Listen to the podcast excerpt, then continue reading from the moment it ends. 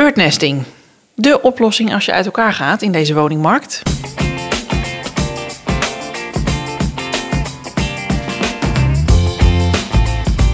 Hey, fijn dat je luistert naar de Scheidpodcast. Ik ben Carly Timmerman van Bureau Carbon, host voor gezinsvriendelijk scheiden.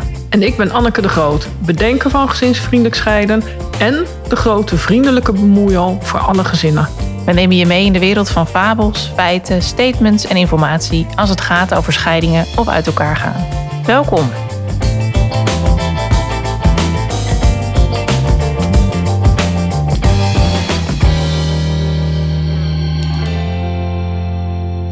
Deze vraag bespreek ik vandaag met Norman Talma en Anneke de Groot. Welkom allebei in Schorel, steeds me weer is aan de, aan de eettafel. Dankjewel. Norman Talma, jij bent uh, scheidingsplanner en actief van Texel tot aan het Noord-Hollands Kanaal. Achtergrond als financieel planner en jij begeleidt nu uh, particulieren bij een scheiding. Dat doe je samen met jouw compagnon.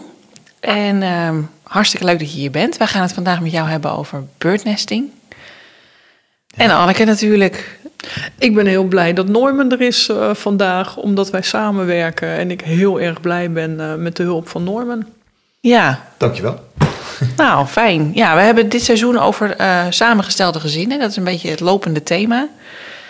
Dus we gaan vandaag kijken of birdnesting een oplossing is voor die samengestelde gezinnen in deze bizarre woningmarkt. Want dat kunnen we nog steeds wel zeggen. dus laten we beginnen met wat is het eigenlijk? birdnesting. Norman, kun jij dat kort toelichten? Ja, het is eigenlijk een term die volgens mij uit Amerika is komen overwaaien. Um, eigenlijk is het idee, uh, net als bij, uh, bij vogeltjes, hè, ja, de kindertjes die blijven op het nest, dus die blijven in het huis wonen. En de ouders die, ja, die vliegen af en aan. Dus de ouders die verblijven om en om elders. En ja, zorgen gezamenlijk voor de kinderen. Die dus in een vertrouwde omgeving blijven, hè, in het ouderlijk huis blijven wonen. Ja, en zien jullie dit veel gebeuren in jullie praktijken? Nou, wat, ik nu, wat we nu merken natuurlijk met die, hè, terecht wat je zei, die uh, woningmarkt, woningcrisis kunnen we inderdaad inmiddels wel noemen. Ja, dat het een van de oplossingen kan zijn. Hè? Dat, dat men tijdelijk een, een, een tweede woning of tijdelijk bij iemand intrekt en dan uh, ja, uh, de woning toch maar gezamenlijk aanhoudt. Ja.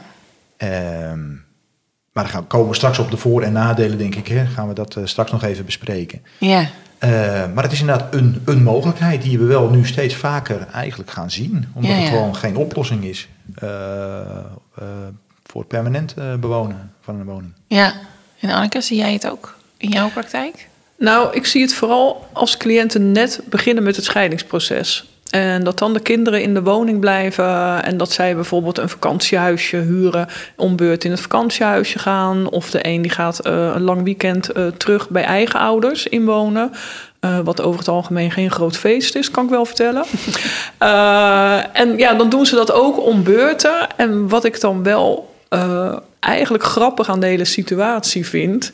Zij gaan ervaren hoe het is om elke week na te moeten denken wat jij mee moet nemen. Ja, en wat de wat kinderen is later het weer. Ja, en dan hebben ja. zij nog niet eens uh, dat ze schoolspullen heen en weer moeten sjouwen. En soms ook nog niet eens de sportspullen. Uh, en dan zeg ik zo, ik zeg, en dit is dus wat jullie kind de komende 14 of 15 jaar gaat doen elke week. Hoe is dat? Ja. Nou, dat valt ze enorm ja. tegen. Het leven uit hun koffer. Ja. ja. echt het leven uit een koffer en continu maar nadenken of daar dan zijn. En oh, maar ik ben dit vergeten. En oh, ik ga nu iets afspreken met een vriendin. Ik had dat jurkje wel willen hebben. En ja, en dan merken zij zelf hoe dat is. En het grappige daaraan is dat zij zich echt niet voor kunnen stellen dat het voor het kind hetzelfde is. Oh ja. Ja. Ja, dat zeggen ze ook echt? Ja, dan zeggen ze ook voor kinderen is dat toch makkelijker. Ja, ja. ja die, ja. Zijn, die zijn flexibeler. Ja, die zijn flexibeler. Ja, ja. ja die weten straks niet beter. Nee, dat is echt waar. En daar ben ik altijd wel. En dat zeg ik dan ook tegen ze van: oké, okay, je gaat nu dus zelf iets recht zitten praten. terwijl je hebt ervaren hoe het is. Ja. En dat het gewoon echt belastend is. En natuurlijk, de situatie is niet anders. En we zullen er met elkaar het beste van moeten maken. We gaan het niet wijzigen, dat begrijp ik ook. En toch denk ik, is het wel goed als ouders het zelf ook gewoon even voor een periode ervaren hebben. Ja, want ja. je zegt dus eigenlijk, het is met name aan het begin. Dus het is niet vaak zo dat het een permanente oplossing is voor uh, ouders die uit Nee. elkaar gaan. Nou, dat gebeurt een enkele keer. Eh, ik heb wel eens stellen gesproken en die hebben dat gewoon jarenlang volgehouden. En dat ging heel erg goed. En die hadden gewoon een groot pand. En de ene woonde beneden en de ander woonde boven. Oh ja. Eh, het enige wat zij gezamenlijk gebruikten dan was de keuken. Het wordt soms lastig op het moment dat er een nieuwe partner in spel gaat komen. ja. Ja, en op het moment dat je jezelf alle geluk van de wereld gunt, dan kan je dat vaak ook een ander gunnen. En zolang je daar nog voor jezelf niet bent, gaat dit altijd voor frictie ge- zorgen. Ja, Ja, dat, is, dat is ook wel een beetje de ervaring die wij eh, eh, zien. Hè? Dat het voor een nou ja, bepaalde periode... ja, het zorgt even voor tijdelijk wat rust. Maar ja, de irritaties die tijdens de relatie waren... Ja, die worden natuurlijk ook wel meer of meer in, in het huishouden voortgezet. En, en daar gaat het vaak mis. Ehm, en daarom is het zo belangrijk hè, dat, eh, dat mensen goede afspraken maken vooraf. Wat Ja. verwacht ik nou van jou? Wat verwacht jij van mij? Ja. Want ja, die niet uitgesproken verwachtingen, die leiden vaak tot teleurstellingen. Ja. Hè? Dus je moet zorgen dat je, dat, je, dat je het echt goed nou, met elkaar ook wel voor hebt. ja, En natuurlijk de kinderen, ja, eh, eh, meestal geven ouders ook wel aan. Ja, nee, het belang van onze kinderen eh, staat voorop. Ja. Hè? De kinderen zetten we op één. Daar heb ik ook wel eens mijn bedenkingen bij. Hè? Ik denk wel eens als je als ouder jezelf helemaal wegcijfert. Ja, in, in, in, dat, dat staat je eigen geluk ook een beetje in de weg. Ja, hoe, hoe kan je dan voor de ander goed zorgen? ja. Hè, Als je zelf ongelukkig bent. Dus, dus ja, het, het is voor een bepaalde periode eh, kan het een prima oplossing zijn, maar ik, ik beschouw het ook altijd als tijdelijk. Ja, ja. Ik, ik ben niet tegengekomen bijvoorbeeld dat mensen jarenlang eh, een huis kunnen blijven delen. Eh, want inderdaad, er komen nieuwe partners en ja, dan krijg je natuurlijk toch op een gegeven moment het moment dat die partner eens een keer blijft slapen. Nou, dan moet je ook al goede afspraken over kunnen maken, want ja, het idee dat je je ex met een eh, nieuwe partner in hetzelfde bed heeft gelegen waar jij eh, in slaapt, nou ja, dat, je kan je er iets bij voorstellen. Ja, ja zeker. Ja, dus daar moet je echt hele goede afspraken over maken. Ehm, en dat, dat is niet iedereen gegeven. Wij krijgen ook af en toe nog wel eens stellen terug. eh, in de mediation eigenlijk weer. Omdat eigenlijk ja, de patronen die dus voor het huwelijk... Hè, die ervoor gezorgd hebben dat mensen uit elkaar gingen... eigenlijk weer worden voortgezet in die birdnest situatie. Dus op een gegeven moment als er een mogelijkheid ontstaat... toch om of de woning toch maar te verkopen... of uiteindelijk toch tot een of de ander die woning kan overnemen... ja, dan zie je toch wel dat daar vaak eh, naartoe gewerkt gaat worden. ja. En waar ik ook benieuwd naar ben, Norman, wat, wat zijn nu eh, de grootste financiële voor- en nadelen als je besluit tot birdnesting? Eh, nou ja, de, de, de, de voordelen zitten er dus meer in. Hè? Nou ja, oké, eh, dat, dat de kinderen eh, goed gehuisvest blijven in de Mhm. woning. Hè? Dat, dat, dat zijn natuurlijk de voordelen. Maar je vraagt specifiek naar de financiële voor- of nadelen. Nou ja, het financieel voordeel kan zijn hè, dat als je ja, tijdelijk bij iemand inwoont of bij ouders, hè, dat je dan misschien een klein beetje bijdraagt aan de kostenhuishouding daar. Hè, en Mhm. ja, dat je in feite alleen maar de, de hypotheek of huurlasten hebt van de echtelijke woning, voormalig echtelijke woning moet ik dan zeggen. Ehm, maar aan de andere kant kan het ook een nadeel zijn. Stel dat je bijvoorbeeld tijdelijk iets huurt. Hè, en nou in deze markt mm, nou, betaal je best wel, hè, dan zit je gauw rond de 1000 euro eh, extra lasten. Ja. Dus dat kan een nadeel zijn. Plus, ja, het feit is dat je vaak ziet dat beide echtelieden ook nog in de, eh voormalig echtelieden moet ik zeggen, of partners, dat die eh, nog ingeschreven blijven staan op het voormalig woonadres. Met andere woorden, ze blijven eigenlijk ook ja, eh, fiscaal partners en daarmee ook toeslagpartners voor de toeslagenwet bijvoorbeeld. Mhm. Hè, dus Dat is zowel tijdens het scheidingsproces natuurlijk. Jij, Ja, maar, jij bedoelt ook, ook, ja. erna. Stel dat je gescheiden bent. Ja, vaak zie je dat mensen bijvoorbeeld een vakantiehuisje kunnen huren of iets anders tijdelijk kunnen huren, maar ze kunnen zich daar niet inschrijven bijvoorbeeld. Mhm. Je moet je eigenlijk natuurlijk daar officieel inschrijven waar je de meeste nachten verblijft. Ja, ja. Ja. En dat gebeurt dus niet. Dus eigenlijk ben je een beetje, ja, het, het is een beetje een grijs gebied wat je aan het doen bent, want ja, eh, de Belastingdienst kan er ook wat van vinden. Hè? Dus op het moment dat je natuurlijk je hoofdblijven ergens hebt, eh, eh, dan heb je eventueel hypotheekrenteaftrek. Ja, Maar op het moment dat je, dat je eigenlijk meer, meer vertrekt of je schrijft je uit, ja, dan kun je nog twee jaar lang jouw helft, of jouw deel van de, van de hypotheek in aftrek nemen. ja. Gerelateerd aan het deel eigendom van de woning dat, dat je hebt. Mhm. En daar staan heel veel ouders ook niet bij stil. Kijk, op het moment dat je dus samen ingeschreven blijft staan, is niet zoveel aan de hand. Want dan, nou ja, goed, kun je nog aardig aangeven, ik heb een logeeradres ergens. Het is een tijdelijk iets. Ja. Ik sta erin geschreven. Nou ja, prima. Dus dan kan ik die hypotheekrente kan ik blijven aftrekken. Dat is geen probleem. Mits je dan ook die lasten ook daadwerkelijk betaalt. Hè. Het moet, Ja. ook, moet ook nog drukken, zoals dat zo mooi heet. Maar ja, nogmaals, aan die toeslagenkant, daar verandert dus niks. Nee, ja, dat kan best wel gevolgen hebben En natuurlijk. dat kan best wel gevolgen hebben, want je ziet heel vaak dat, het toch, ja, dat mensen toch wel de financiën een beetje gaan scheiden. Eh, nog wel dan gezamenlijk de kosten van de woning en de hypotheek dragen. Maar ja, alle andere kosten, ja, dat, eh, dat is, eh, ja, eh, kun je geen rekening houden met kindgebonden budget bijvoorbeeld. Hm. En alleenstaande oudertoeslag, dat, Nee. dat, dat, dat, dat heb je niet. Nee, En dat heb je alleen als je ook op, ja, niet meer op hetzelfde adres ingeschreven staat bijvoorbeeld. Dus ook dat is een bepaald eh, ja, eh, ehm, eh, uitzoeken klus van hé, hey, wat is dan het aantrekkelijkst financieel om dan te doen? ja. Oké, dus als ik ehm, met mijn partner dat zou gaan doen. Ik probeer het even te vertalen voor een luisteraar. Hè? Dus Ja. eh, ik besluit met mijn partner: oké, wij gaan birdnesting doen. Eh, wij huren een kamer. En mijn partner schrijft zich daarin. Ja. Mag ik dan dus al kindgebonden budget aanvragen dan? Ik blijf op de huidige woning, onze echtelijke woning, ingeschreven staan.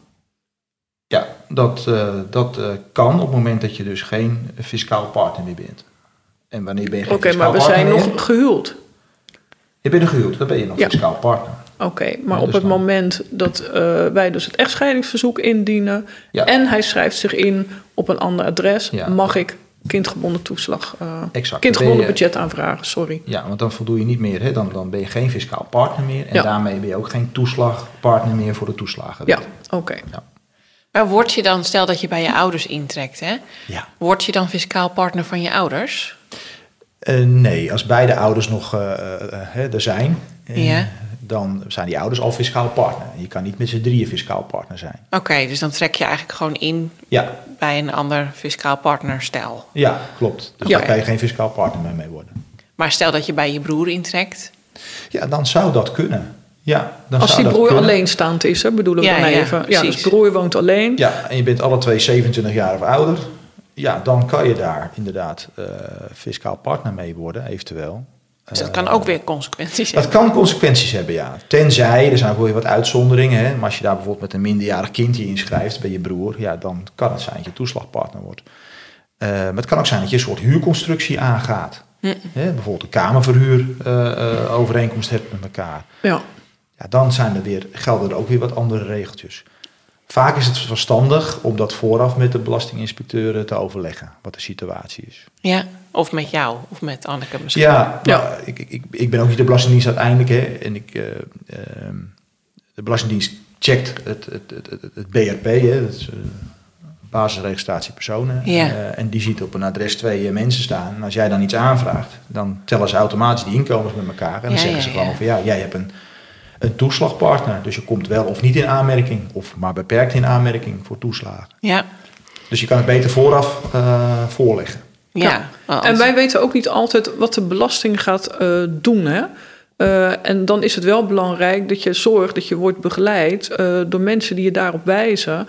En zeggen: jongens, zoek dit vooraf uit. En Ja. wij helpen dan ook met het opstellen van een brief. Dat is geen probleem. Maar vraag het wel even bij jouw inspecteur der belastingen: is dit oké wat wij nu gaan doen? Mogen Ja. wij dit afspreken? En wat zijn de gevolgen? ja, precies. Ja. Ja. Achteraf kan je niet meer zoveel corrigeren. Zeker niet met de Belastingdienst. Nee, maar want even voor mijn beeld, dat vind ik dus ook weer boeiend. Stuur je dan een brief naar de belastinginspecteur, begrijp ik dat goed? Ja.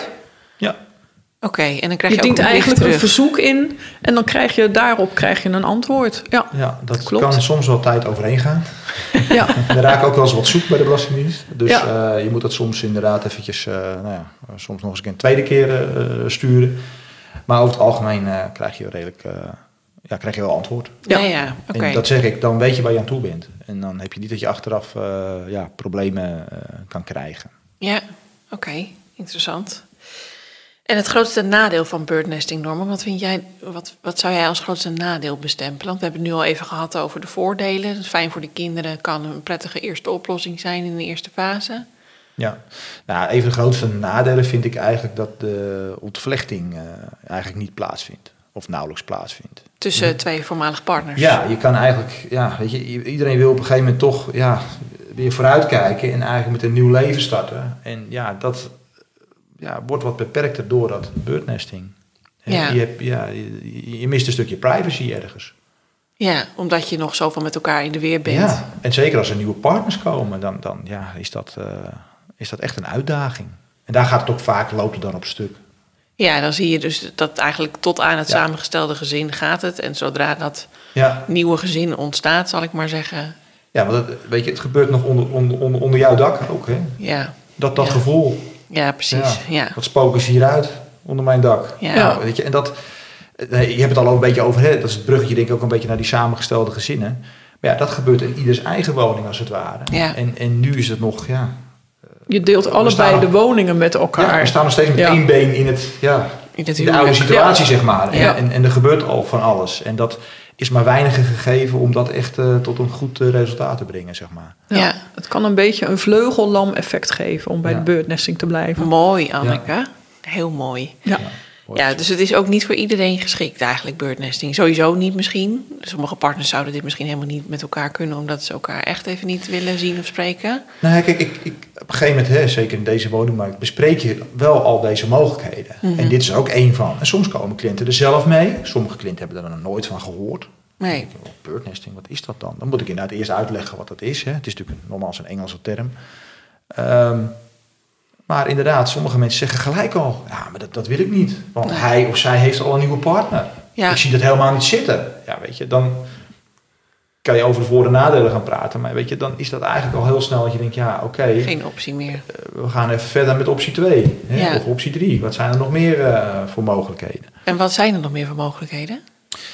Ja, legio zeg ik altijd maar. Ehm, ehm, een, van de, een van de eerste dingen die je natuurlijk bekijkt, van, ja, is iemand in staat om eventueel toch die woning over te nemen? Ja, dat is op zich het mooiste. Dan heb je in elk geval één iemand is gehuisvest. Dan heb je natuurlijk nog de uitdaging, waar gaat de ander dan naartoe? ja, Ehm, staat iemand bijvoorbeeld al eh, heel wat jaren ingeschreven voor een sociale huurwoning bijvoorbeeld? Nou, dat, dat zou mee kunnen helpen. Hè, want de gemiddelde ja, wachttijd is inmiddels... Nou, Tien jaar. hier? Het Tien zit jaar? hier al tegen de 8, 9 jaar. Acht, Klopt. negen jaar. Ja. Nou, ik hoor sommige in steden is het soms tien, eh, boven de tien jaar zelfs. Dus ja, ik heb er al eentje gehoord van 21. kun je nagaan. Nou, dus dan eh, ben je voorlopig niet in de beurt natuurlijk. Dus dan moet je wel kijken, oké, wat, wat zijn dan de oplossingen voor, voor, voor die persoon? ja, ehm, maar goed, stel dat uitkopen weer niet lukt, ja, dan moet je gaan kijken van, nou, oké, wat is er dan eventueel eh, wel mogelijk? Ehm, daarbij zou je weer kunnen denken aan, hè, eh, ja, speelt partneralimentatie een rol? Kunnen we iets met die partneralimentatie doen? Hè, een bank is vaak genegen om op basis van partneralimentatie, wat minimaal voor 10 jaar wordt afgesproken, eh, in combinatie met het eigen arbeidsinkomen, om dan toch iets meer hypotheek te verstrekken. oké. Zijn dat mogelijkheden? Ehm, Waarbij we dan niet zeggen dat de partneralimentatie, stel dat die berekend is en afgesproken, Mhm. dat het dan 10 jaar dat bedrag moet zijn, maar dat we dan het bedrag gewoon gaan eh, uit, noem het eens even, ik kom niet op het woord. Uitfaceren, uit... Ja, uitsmeren over eh 10 ja, jaar. nee, Ja. inderdaad, terecht hè, wat je zegt. De meeste eh, scheidingen, hè, en, tegenwoordig hè, sinds 1 januari 2020 hebben we nieuwe regels, waarbij in principe de duur, de helft van de duur van het huwelijk met een maximum van vijf, dat is de basis. Hè. Dus, dus veel mensen die hebben daarmee te maken dat ze maximaal vijf jaar eh, partneralimentatie kunnen krijgen. Ja, dat- dat, zijn dat- dan dat- wel de nieuwe regels voor de partneralimentatie vanaf 1 januari 2020. Ja. Dus de helft van het huwelijk. De helft van de duur van het huwelijk met een maximum van vijf. Dus stel je bent 10 jaar gehuwd, nou dan is het dus vijf. Ben je 12 jaar gehuwd, is het ook vijf. Ja, precies. Eigenlijk Ja. zes, maar maximaal vijf. Maar Ja, heb oké. je weer kinderen, er zijn allerlei uitzonderingen. Hè? Dus, dus eh, in sommige situaties is het gewoon eh, eh, eh, 10 jaar. Ja, is het Als je een gewoon jong kind hebt, eh, ja, hè, jonger dan 12. Ja, stel je hebt een kind van, van 1 jaar oud. Ja, dan is de partneralimentatie duur in principe tot 12-jarige leeftijd van het kind. Dat is Ah, weer een ja. uitzondering. Ja. Hè, maar de hoofdregel is in principe vijf jaar. Dus laten we even zeggen dat het in theorie vijf jaar zou zijn. Dan kun je afspreken dat het bedrag wat we berekend hebben op die vijf jaar, dat we dat inderdaad halveren en uitsmeren over tien jaar, bijvoorbeeld. Hè, Ja, dat kan. voor de bank. Om dan Voor dus- de, ja, om, ja. om het dan inderdaad mogelijk te maken. Eh, soms zie je ook iets dat hè, mensen pensioenrechten gaan uitruilen tegen de overwaarde van een huis. Dat wordt alweer wat specialistisch dit Ja, allemaal. Hè? ja. Maar er zijn dus best mogelijkheden. Oké, ook, nou, dat ook is kan afgekocht worden. Hè. Je kunt ook zeggen, van, nou weet je, we kopen de partneramortatie in één keer af. Betekent een aftrekpost voor degene die die partneramortatie verschuldigd is. En degene die de partneramortatie ontvangt, ja, die moet dan in één klap belasting betalen. Ja, ja. Maar in het jaar van scheiden kun je nog, hè, omdat je nog fiscaal partner bent, kun je het hele jaar doen alsof je fiscaal partner bent. Kun je de aftrek van de een parkeren bij degene die de belaste verkrijging heeft, het inkomen heeft. Nou ja, dan kun je het enigszins netto maken, laat ik Ja, het zo ja. zeggen. Ja, ja, ja. Dat er zo min mogelijk belasting verschuldigd is. Want met dat stukje kapitaal, ja, kan misschien die woning net wel overgenomen worden. Ja. Nou, eh, wat voor andere mogelijkheden? Ik zei net al, hè, pensioen eh, verrekenen. Nou, dat is ook een mogelijkheid. Normaal, als stellen gaan scheiden, eh, zie je heel vaak dat wat tijdens het huwelijk is opgebouwd aan oude dagpensioen bij helft wordt gedeeld. Mhm. Eh, maar daar mag je ook van afzien. Dat mag. De wet verevening pensioenrechten bij scheiden biedt die mogelijkheid. Maar je kan ook zeggen, nou ja, ik zie wel af, maar ik wil het verrekenen. Dus waar ik normaal gesproken recht op had, ja, dat wil ik nu eigenlijk wel in één keer eh, verrekend hebben. Dat kan je weer verrekenen met een deel overwaarde Ja, ja, ja. van degene die vertrekt. En dan is het dus gewoon kijken met elkaar. eh, want er is zoveel mogelijk. En Ja, dat is inderdaad. denk ik eh, ja, Ja, is- wat, wat vaak vergeten wordt. Nou, als er, is, je, er, is, er is meer mogelijk dan mensen denken. Ja. Alleen wat is ook weer hierin het vereiste, Anneke? Maatwerk. Samenwerken. Ja, En maatwerk, Ja. uiteraard. Ja, maar het Ja. begint met samenwerken. hè. Want absoluut. als partijen niet elkaar iets gunnen, ja, hou maar op. Ja. Stop maar. En dat Koop is die het. woning, zet het Ja. maar in de tuin. Want dat kom ik natuurlijk nu ook wel tegen. Hè? Van, van ja, ehm, iemand die natuurlijk de woning overneemt met de bestaande hypotheek. Stel dat we dat financieel plaatje rondkrijgen.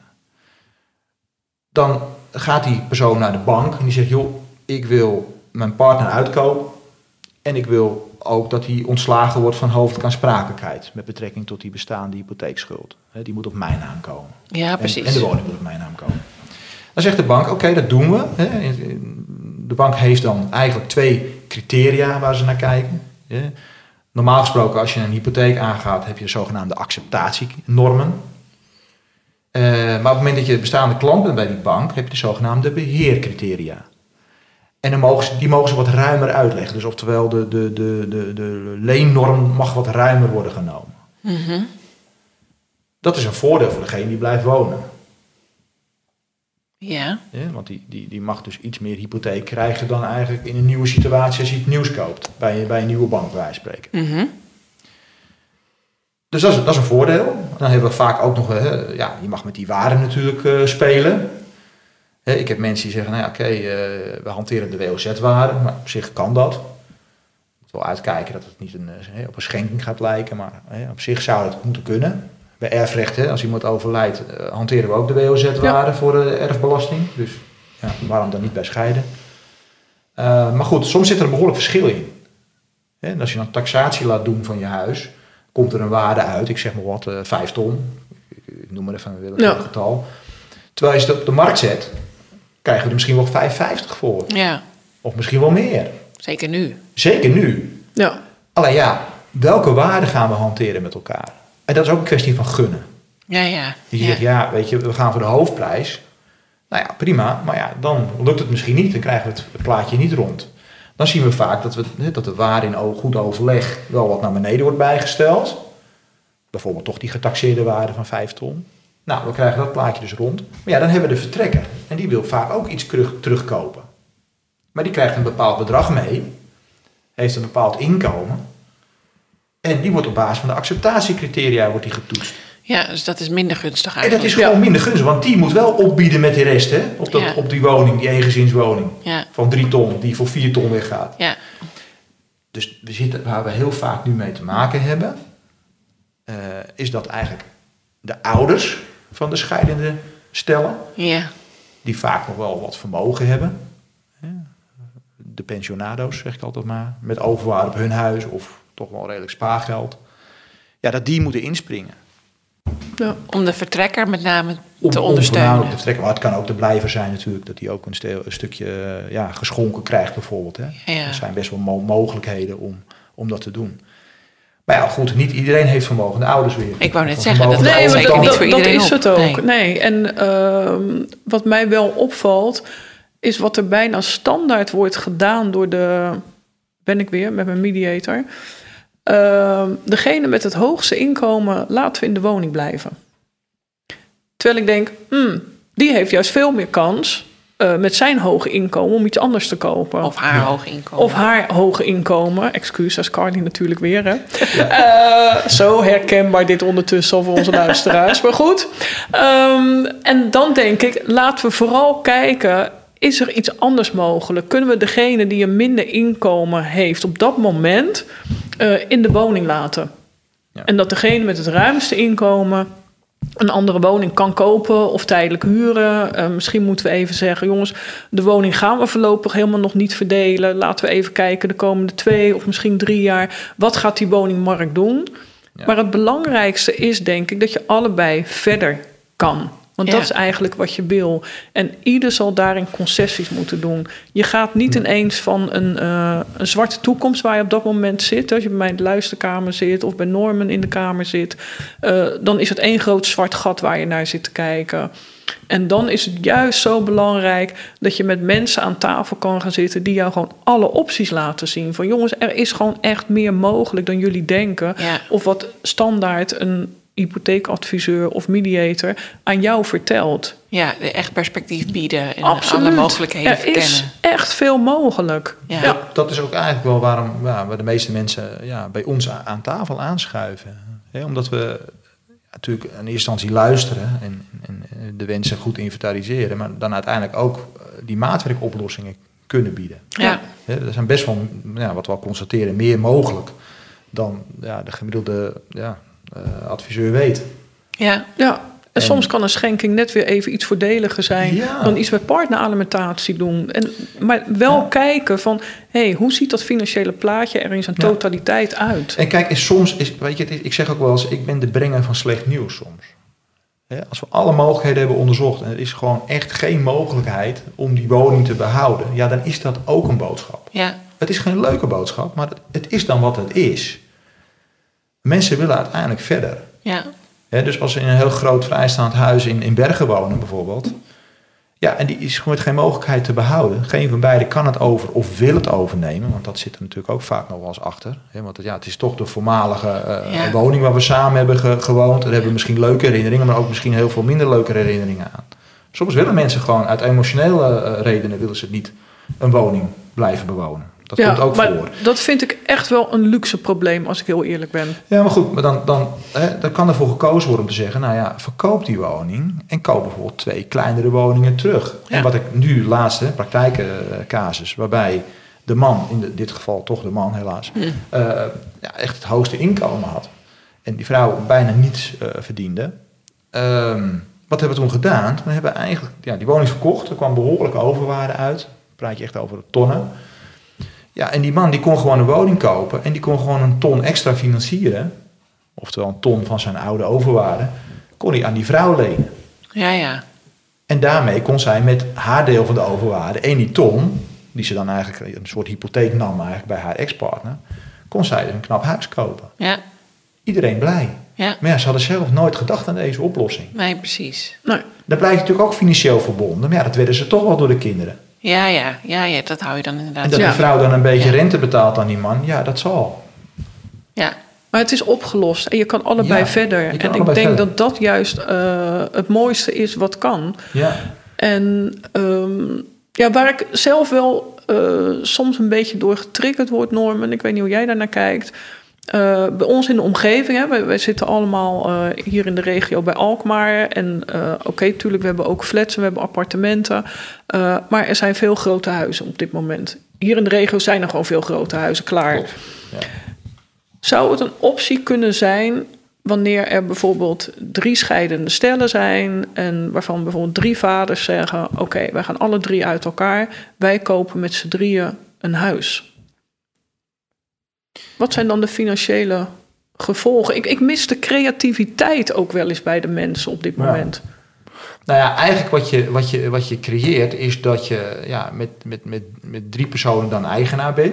Mhm. En dat is in het begin denk ik ook wel eh, ja, prima, eh, een prima oplossing voor het woonprobleem.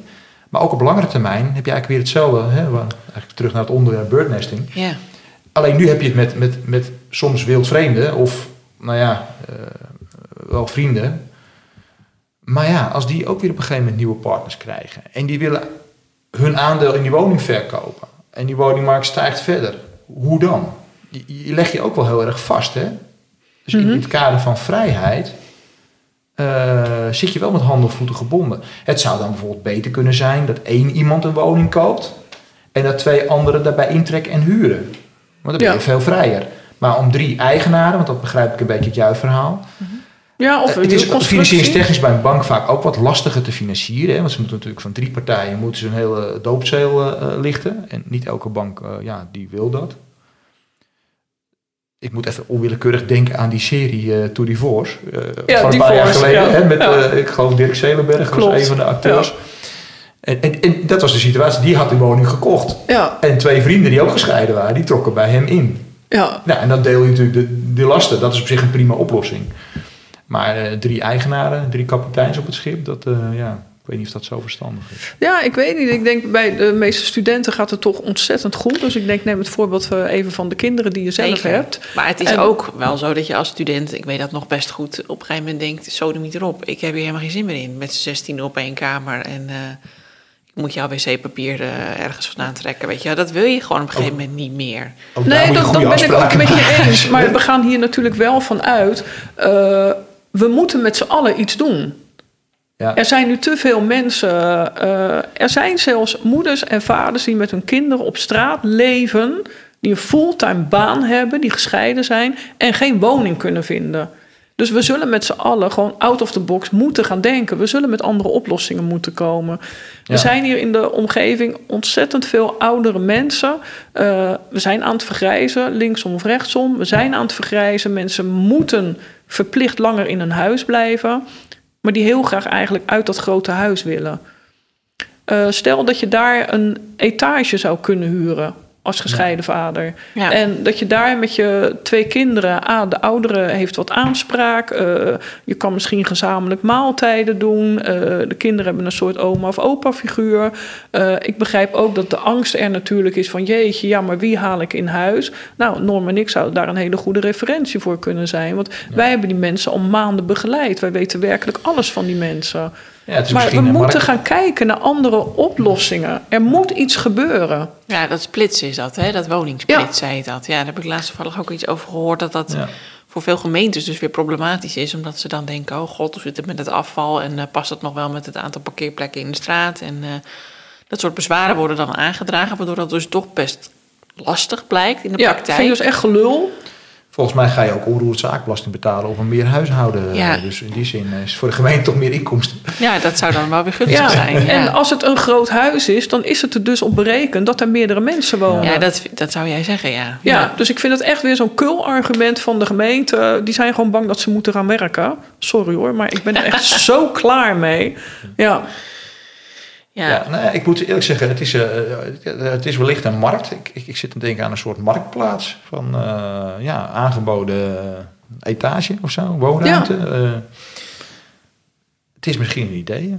ja en zeker eh, zorgen dat je referentie hebt. Klaar. Maar betekent dat dan ook weer even iets, want dat, ik ben natuurlijk een leek op dat gebied, maar stel dus dat, je, dat ik, ik ben 90 en er komt een gezin bij mij intrekken op een andere verdieping.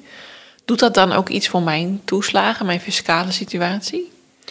Nou ja, kijk, dat kan ook weer. Ook dat moet je weer, net als in die situatie wat ik zei, hè, als iemand bij zijn ouders gaat intrekken. Ja, dit is eigenlijk een soortzelfde situatie bij een ouder iemand in elk geval intrekken. Kijk, als Ja. die natuurlijk alleenstaand is en, en een alleenstaande AOW ontvangt bijvoorbeeld. Ja, en eh, op papier staat er in één keer een eh, volwassen iemand eh, ingeschreven. Ja, dan kan dat ook weer gevolgen hebben. Dat iemand zijn alleenstaande AOW verliest bijvoorbeeld. Ja, Ook dat moet je dus heel goed met in dit geval de Sociaal Verzekeringsbank afstemmen. Ja, ja. hey, joh, de- we hebben helemaal geen duurzame huishouding of zo met elkaar. Hè, maar ik, eh, ik, ik verhuur alleen een kamer onder de kamerverhuurvrijstelling bijvoorbeeld. Eh, dus, dus ook dat moet even goed, eh, goed bekeken worden. wat is de Sociale Verzekeringsbank?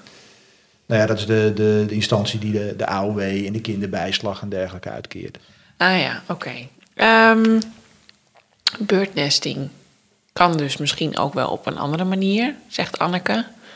Misschien moeten we loslaten dat je dat met je voormalige gezin doet, maar kun je het ook met een nieuw gezin doen.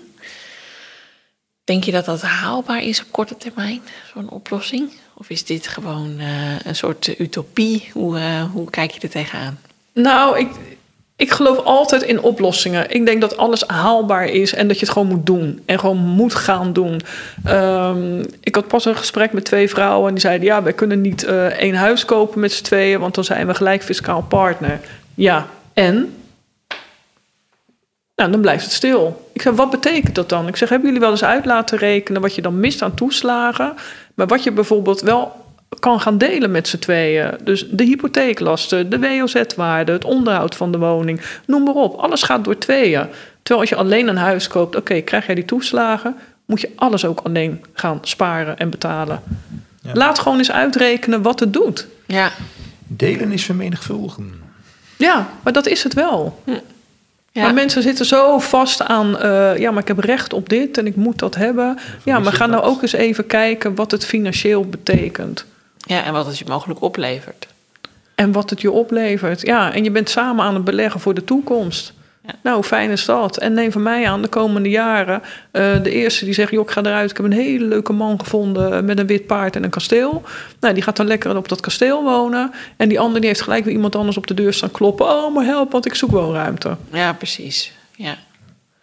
Nou, het zou een mooie oplossing zijn.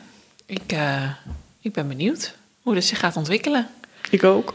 Dankjewel, Norman, voor je bijdrage. Ja, graag gedaan.